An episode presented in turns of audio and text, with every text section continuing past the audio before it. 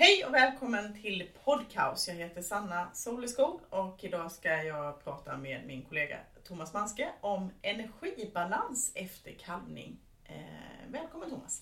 Tack! Vi har ju, för de som har lyssnat på det här om kalciumbalans, så var du ju inne lite grann och petade redan i detta med att det krävs energibalans i ordning för en nykalvad ko också. Mm. Är det vanligt med problem med energibalans för mjölkkor? Eh, och hur vet man om man har det problemet eller inte? Är det bara en fråga om avkastningens nivå eller inte? Alltså det, det är lite grann samma sak. Vi var inne på det sist också. Då, att de går hand i hand de här två åkommorna. Ehm, energibrist och kalciumbrist. Och båda är så att säga någonstans fysiologiska. För behovet av kalcium ökar radikalt, eh, inte minst efter kalvning när de ska gå igång och producera stora mängder mjölk. Och behovet av energi, det har redan börjat långt innan kalvning för det är fostertillväxten på slutet där. Eh, när kalven växer som mest, då suger det ju energi. Och då tänker jag så är det så, alltså de mjölkar ju inte jätte, jättemycket precis första dagen efter kalvning. Är det en så jättestor omställning? För fostret har ju redan tagit mycket energi. Ja, vad är det de ska alltså, klara av? Nej, en, energibristen den, den förvärras inte typiskt sett efter kalvning. Utan mm. den, den, är låg och, och, och, kan stanna låg eh, mm. ett, ett, ett, tag efter för all del. Alltså de, de ligger ju negativt i flera mm. veckor efter. Um, men problemen där börjar så att säga innan kalvning i första mm. hand. Um, och sen så får du ett utfall av den negativa energibalansen så ser du effekter på mm. eh, kroppen som sen ger resultat efter kalvning och då kan man behöva göra tillskott av eh, och sen är det klart att, att mjölkproduktionen i sig kräver ju också stora mängder glukos, eh, mm. vilket ju är energi. Så att absolut, det tar tid för kon att hamna i en positiv näringsbalans efter kalvning. Det gör det. Och vad är det då för bekymmer vi får av en dålig eller negativ energibalans? Vad är det för följdsjukdomar och effekter på produktionen som tyder på det? Ja, dels är det ju den, den direkta bristen på energi. Eh, mm. och där är det så att, att glukos, eh, det används ju inte bara till att producera mjölk, även om det är en, en stor eh, konsument. Eh, även immunförsvarets vita blodkroppar eh, kräver socker för sin funktion. Mm. Och det är ju eh, ett av skälen till att kor kring kalvning i den här övergångsperioden, där, vad vi nu ska mm. kalla det, är så känsliga för infektionssjukdomar. Mm. Um, så att, att um, det, det, finns en, det finns en god anledning till att en övervägande andel av de veterinärbehandlingar som sker, sker inom första veckan eller veckorna efter mm. kalvning. Mm. Så det, det, är en stor belastning för kor att kalva och där är det både energi och, eh, och kalcium som mm. ställer till det. Så, det, det, det, så energibristen i sig är ett problem men sen är det konsekvensen av energibristen som ställer till det. För det som händer när en ko eh, börjar lida av energibrist det är att hon frisätter eh, energi ifrån fettet, sina fettdepåer. Mm. Um, och den, den, där nedbrytningen av fettväv, det frisätter ett antal fria fettsyror som kommer ut i kroppen. De där ska helst då gå till, till levern där de mm. då i stor utsträckning gärna får omvandlas till glukos eh, mm. och bli energi. Um, eller så exporteras, när, när man har mättat så att säga, den processen så styrs eh, den här, de här fettsyrorna över till eh, exportenergi, eller vad vi ska kalla det. Eh, ketonkroppar eh, är ett sånt mm. uttryck som man använder sig av. Bland annat smörsyra, beta-hydroxysmörsyra. Och aceton. Och därför aceton. Att det är därför en riktigt sjuk ko De känner man på lukten. Kan lukta aceton. Vissa känner på lukten. Fast det gör inte alla. Ja, det men det är därifrån. Det är alltså en ketonkropp. Precis. Mm. Och sen det tredje sättet att hantera de här fria fettsyrorna på det är att de lagras upp i levern. Mm. Som, en, som blir då en, lever, en, en fettdepå. Mm. Eh, och man får sån här leverförfettning. Så eh, de här, och de här fria fettsyrorna, de är giftiga i viss grad mm. Eh, för. De är fiffiga på sitt sätt men de ställer till elände. Bland annat så nedsätter de i sin tur foderintaget. Sen är de, eh, de har negativ effekt på bland annat på, på eh, äggen i, i livmödrarna så att du får sämre foster som utvecklas eh, på kor som har lidit av en sån här dipp. Men, men det var bara, för bara, så man kan, skulle enkelt kunna se det så här. Man tänker sig att om en ko är fet, då är det bra, då har hon mycket att ta av. Men det som händer då, det är att hon bryter ner fett för att hon äter lite dåligt. Och när hon bryter ner fett så förgiftar hon sig själv och äter lite sämre. Så hon får mindre energi från maten än hon borde. Ja. Och förgiftar sig samtidigt själj. Ja, ja precis. Vi var inne på det. när vi Ungefär, snackade- det när var vi snackade- det jag- ja. När, när vi snackade kalk där så var vi inne på detta. Just det. Man ska undvika sinkor i över, feta sinkor. Ja, Det är där, liksom, annars tänker man så här, bra ha lite att ta av. Men det är det inte när det är ko. Nej, och där kommer vi in på det här med foderintag. Mm. Ehm, och vi, vi pratade om det att, att, fettväven i sig hos de här korna kan styra ner foderintaget, Mm. alltså minska aptiten helt enkelt. Så feta sinkor äter mindre. Och frigör mer fett. Och förgiftar frigör mer själv. fett. Ja. Och inte bara fett, utan de frigör, alltså, i och med att som vi var inne på, att det här är en inflammationsprocess, så, så frisätts också alla de här klassiska eh, signalerna Mm. till att man mår dåligt. Alltså man är sjuk helt enkelt. Man vill inte äta, man går och lägger sig i ett hörn. Mm. Så feta kor är dåligt även för energiomsättningen helt enkelt. Feta går dåligt, Ja. Ja. bort med dem. Mm. Du, du frågade också om det här var, var vanligt eh, förekommande. Ehm, och det konstaterar vi att det är. Eh, så en viss, ett visst mått av eh, sådana här problem med ketonkroppar, eller ketos som vi säger, eller acetonomi som man sa Mm. tidigare. Då. Det, det, det, det måste man tillåta, alltså, för det här är fysiologiskt och det, är- det är någonting som, som sker. Så, Mm. vidare. så att, eh, säg, och, och då kan man fråga sig, jag, bra sak att göra är att mäta detta. eh, Och för att få en grepp om det Mäta funkar. ketonkropparna. Ketonkropparna i Mm. blodet. Eh, Och då finns det fiffiga apparater som man kan inhandla för en, en struntsumma på eh, apotek till Mm. exempel. Um, för de, de används till folk också. Uh, här mätare. Um, och det också så frågar man någon uh, veterinär så kan man få hjälp med att skaffa sådana.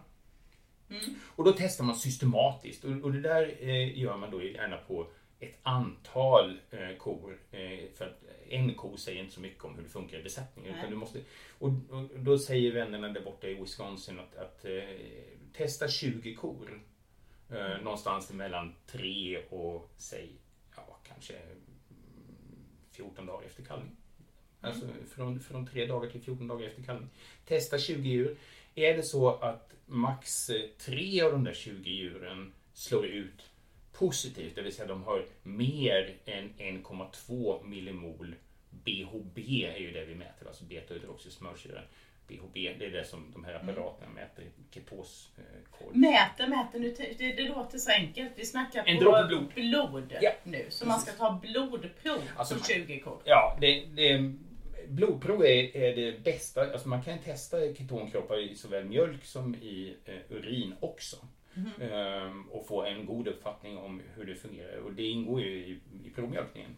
Mm. Ehm, Men räcker det inte med att man bara gör det i provmjölkning då? Vadan, skaffa apparat? ja, alltså problemet, och det, det var en sak som vi inte pratade om i eh, kalciumavsnittet, men det kopplar an till det här. Både kalciumbrist och eh, ketos kan komma sekundärt till andra lidanden. Mm. Det vill säga, ehm, om du vill ha ett grepp om sinkoskötseln och utfodringen Mm. så vill du ta det provet tidigt efter kalvning. Mm. Och då är det så att, att eh, det, det ketostest som görs på provmjölkningen, det är ju fram, alltså det är ju första provmjölkningen och den sträcker sig ju fram till 35 dagar efter Men kalvning. vad sa du till 14 då? Så att egentligen så om man har det i provmjölkningen så ska man inte lägga så stor vikt vid de värdena som är över. Man kan, man, kan ju 14 kolla, dagar. man kan ju kolla hur många av de korna som ingår Mm. i provmjölkningen som kommer tidigt och är det så att det är en övervägande del som kommer tidigt Så är det ändå. så kan det faktiskt vara ett värde i det. Men man ska vara lite aktsam ifall det är så att eh, många av de där korna är provmjölkningen ganska sent. eh, Ja, då är det inte säkert att det är. Nej, precis. Men om man Så- hellre kör apparatgrejen, Om man, man köper köper en apparat, då är det Mm. blod. Du säger man kan mäta mjölk och urin, men blod är alltså bättre att mäta det på. och du, får ett, du får ett precisare värde. Ja, okej. mm. Ehm, Och så sa några vänner till dig i Wisconsin, varför har du vänner där? Är de duktiga på något särskilt sätt i detta de är område? väldigt duktiga på kor generellt sett. Och, Ja. de, och de har predikat mycket om detta med, med eh, negativ energibalans Mm. och forskat mycket på det. Så att det, man får mycket skojigt att veta när man, när man hänger med de gubbarna. Så det är de som menar att 20 kor eh, mellan, vad sa du, Upp. 3 till 14? Mellan 3 till 14 dagar efter Ja. kalvning. Och är det då så att du har en, två eller tre kor av de som blir positiva på testet, det vill säga ligger över 1,2 millimol per liter som är Mm. enheten, eh, så är det okej. Eh, Och då kan man köra vidare med det och så kanske testa igen efter en månad. Eller sånt Men om det är många fler så... Ja, precis. Precis. För, eh, och, och sen finns det då, är det, är det så att du ligger över, till, över åtta då, Ja. så då är det så illa i besättningen så att då får du hantera det som att hela besättningen alltid Mm. har problem. Och då är det ingen idé att hålla på och testa utan då är det bara att Okej. kratta i dem energi. Och då är det propylenglykol som ska ges. Och när ska man tratta i det då? Ja, det är, det är bara att sätta igång där ehm, i, i fem dagars tid efter, efter kalvning. är ju- En gång om dagen efter kalvning Ja, i fem ja. dagar. 300 milliliter en gång om dagen. Fem dagars tid. Testa igen. Mm. Har, de, har de sansat sig? Har de kommit till schysst balans? Har de inte det? Fortsätt att ge propylenglykol. Inte alla kor svarar alltid på detta. Utan de, de, det, det kan vara det som blir lidande under Jag tycker det låter lite jobbigt. Så att det är klart, har man det läget så vill man kanske gärna eh, göra något förebyggande istället. Då vill man Nej. gärna be om hjälp. eh, Ja. Tror jag. Mm. Och jag vill bara säga att, att om man då ligger i intervallet mellan 3 Mm. eh, och 8, det vill säga om du har 4, 5, 6, 7 eh, kor som slår ut positivt. ehm, så, så kan det vara idé att fortsätta testa systematiskt eh, alla kor ehm, två gånger, ehm, någon gång där mellan dag 3 och dag 9. Eller något sånt där. Någon slags hälsokoll. En hälsokoll. Mm. Och sen behandlar du de korna som är positiva helt enkelt och Ja. sen behandlar du inte de som är Mm. negativa.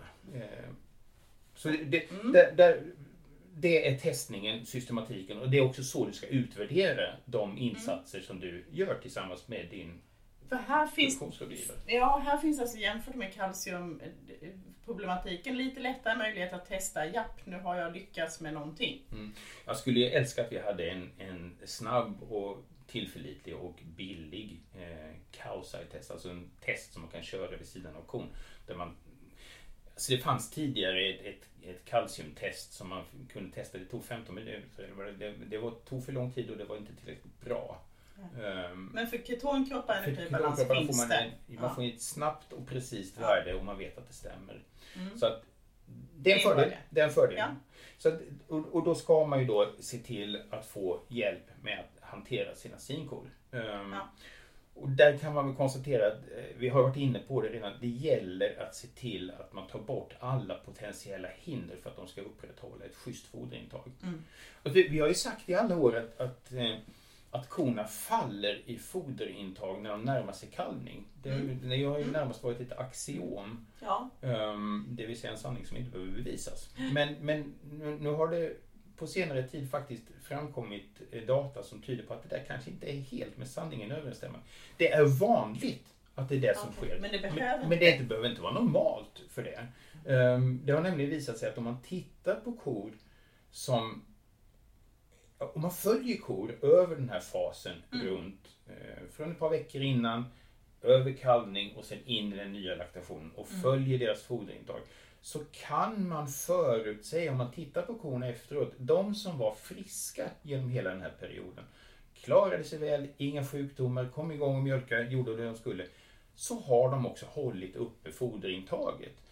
Däremot de korna som utvecklar Mm. flytningar, löpmagar, eh, Mm. efterbördar, eh, kalvningsförlamning. De, de korna gick ner i foderintag inför kalvning. Så egentligen kan man säga att det här, det här som vi har sagt är normalt. Det är nog egentligen så att vi, är, vi har varit så pass dåliga på att sköta våra sinkor så att det har blivit, någonting som egentligen är fel har blivit till någonting som är Standard. normalt. Som har blivit Det är vanligt. ju jättespännande. Det är väldigt Eh, spännande. Eh, Så, så där kan, det kan man också, om man har möjlighet till det, att se ifall korna uppe, eh, upprätthåller sitt foderintag, Mm. så kan det vara en bra, eh, ett bra tecken på att man gör saker och ting rätt. Mm. Ehm, Och då, alltså då, då kan vi fråga sig, vad är det som är hinder för ett, ett, ett optimalt foderintag? Det kan ju vara så enkelt som att det inte finns foder.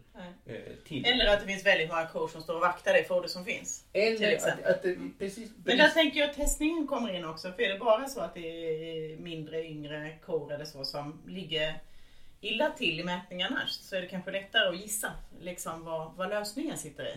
mycket. Om man hittar liksom vilka kor det är. Eller gamla halta eller vad det Mm. nu är för några kor precis. som skiljer Så- ut sig. Så att, att se till att det finns foder på foderbordet, se till att de kommer åt foderbordet, att de kan äta. Eh, Du var inne på halta kor. Mm. Ehm, De ska ju vilja gå till foderbordet Ja. överhuvudtaget, de ska Mm. vilja stå och äta. Eh, Nu är det väl i och för sig så, ehm, nu får jag en flashback till klövtiden här, men, men, men kor, kor som har ont i fötterna äter, man ser inte lika lätt på mängden foder de tar in, men de äter snabbare istället så de kommer på De kan få gå och kompensationsätning. lägga sig sen igen. Mm. Däremot ska man vara lite varse för de äter kanske inte samma sak. Nej. Framförallt om man har full foder. Ja. Ehm, och sen var vi inne på uh, fetakor igen. Nej, Dåligt, dåligt, dåligt. Mm. Sjukdom, samma sak. Vi har sagt Mm. det tidigare. Eh, kor som är sjuka eller mår dåligt, de vill inte gärna äta. Nej.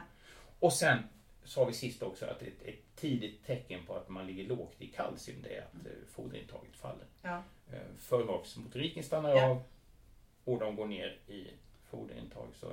Och sen stress pratar Ja. vi också om. All typ av stress och Allt. flyttar och, och, Allt. och, Allt den skit. biten. Precis. Och det är ju ett värsta jättestort eh, ämne som vi säkert kommer att lägga mer tid i framtida poddavsnitt. Det här med stress och vad det innebär. Och eh, kalva i gruppkalvningsbox om där är mycket andra kor och allt vad det nu kan vara. Mycket flyttar och sådär. Men det är skötselåtgärderna och sen som sagt det finns ett, ja enkelt, man ska använda det ordet med försiktighet, men det finns ett högst rimligt sätt att kolla upp var man ligger i energibalans med en det- sån här mätare. Just i och med att, att det ger en så bra bild över så Mm. många faktorer inom Mm. synkoperioden tycker jag att det, det borde vara standard att Mm. man testar det här eh, regelmässigt, systematiskt. Mm. Eh, det, är, det är ingen stor kostnad, det är ett, ett, ett litet extra moment som ska göras. Eh, Mm. Men, eh, men i övrigt så tycker jag att det är väl värt den investeringen i tid och resurser som det tar att få det här greppet. För att man får en bra inblick i allt. Mm. Och sannolikt kan ändra saker som ger mer tillbaka så att säga än, Ja. investeringen. Precis. Superspännande och intressant och vi kommer säkert tillbaka till de här Eh, svåra ämnena och den viktiga perioden runt kalvning eh, i andra poddavsnitt. Tack för idag Thomas! Tack själv!